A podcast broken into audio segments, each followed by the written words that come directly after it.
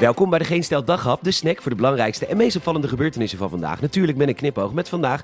VPRO kan wat leren van Hart van Nederland. Hugo huilt uit en de panda is niet meer bedreigd. Mijn naam, Peter Bouwman. Dit is het nieuws van zaterdag 10 juli.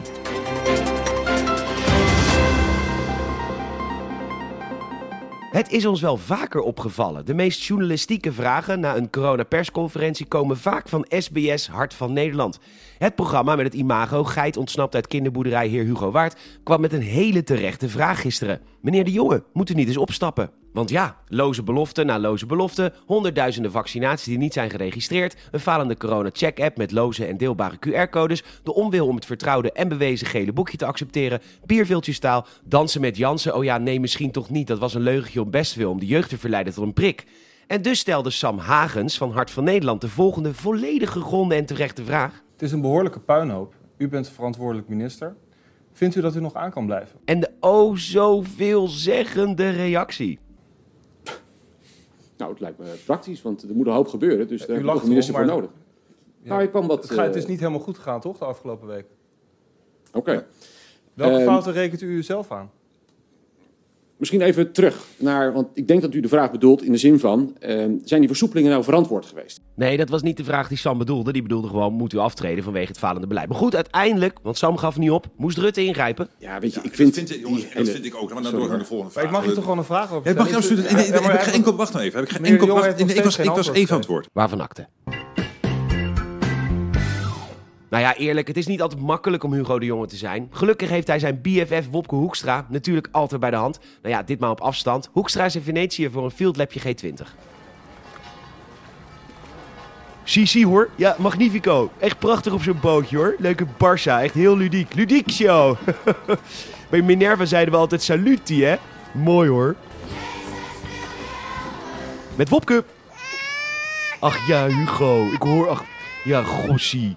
Ja, welke vraag stelde die meneer?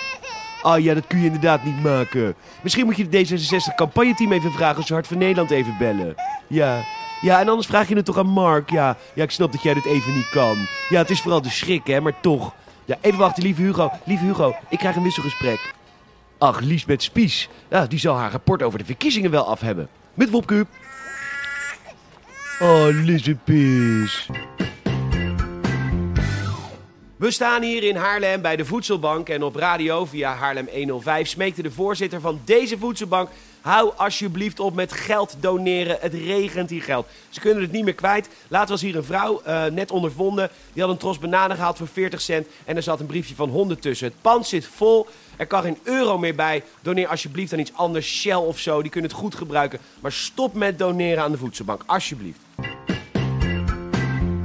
Prachtige column van sportjournalist Hans van der Wegen in het Vlaamse De Morgen met de titel... Als voetballers de afgelopen 20 jaar sneller zijn gaan lopen, waarom vinden we vooruitgang in het wielrennen per definitie verdacht? Nou ja, Hans, sportjournalist, ik zou het niet echt per definitie noemen hoor. Het ging via Armstrong, Ulrich, Contador, Bogert en nog een aantal tientallen anderen hoor, Hans. Het is het voorbeeld dat eigenlijk alles kan. Het voorbeeld voor de bestrijding van de opwarming van de aarde, de panda.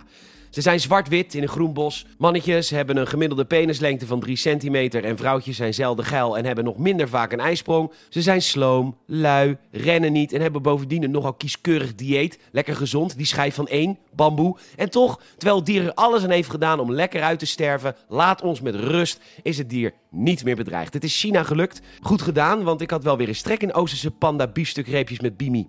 Gewoon bij de voedselbank. Bedankt voor het luisteren. Je zou ons enorm helpen als je een vriend of vriendin vertelt over deze podcast. Een hartje geeft in Spotify. Dan krijg je altijd de notificatie als er een nieuwe verschijnt. En een Apple Podcast Review zouden we ook echt enorm waarderen. Nogmaals bedankt voor het luisteren en tot morgen.